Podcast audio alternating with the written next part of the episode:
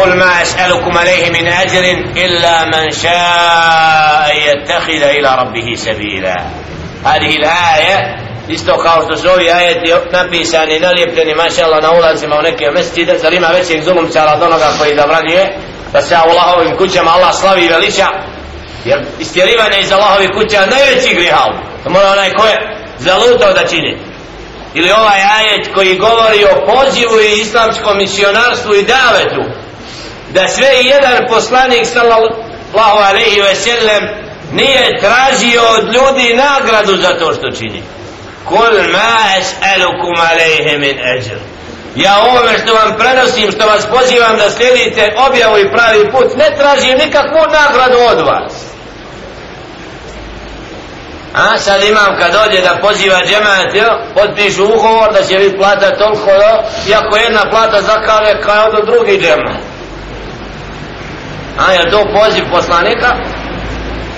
Kad saznaš da je pravi put i moraš pozivati, ne moraš biti određen za to. Jer te znanje i uputa tjera da pozivaš onoga ko nije upućen. Kad dođe namaz da klanjaš, džemat izabere imama, ala ovo uče nešto, nije zabranjeno odrediti imama, moezina, ali ne smije mu biti nijet da radi da bi od toga biti sao na ovom svijetu.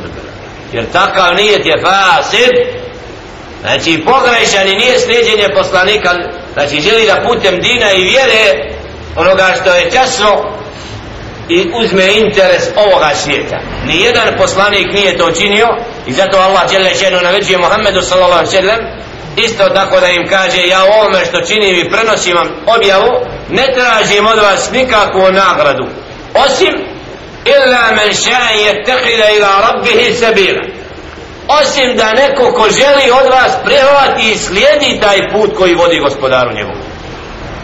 Znači to je ono što ja tražim od vas da?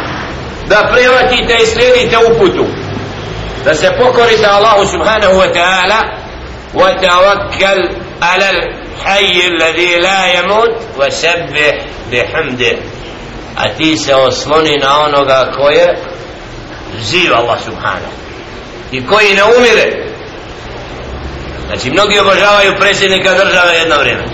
Pa kad umre kod ne mogu više. Obožava oslonja se na oca, na majku, na dina.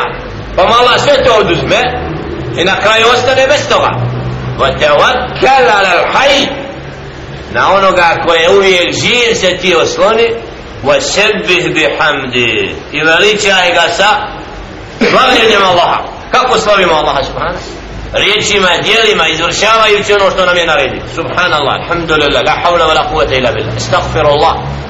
Padanje na sred učenje Kur'ana činjenje dobrih dijela to je slavljenje veličanja Allaha subhana da se čovjek dokaže da je pokoran i da slavi stvoritelja svojim riječima i dijelima. Wa kafa bihi bizunubi ibadihi khabir. A dovoljno je to što je gospodar obaviješteno grijesima koje rob čini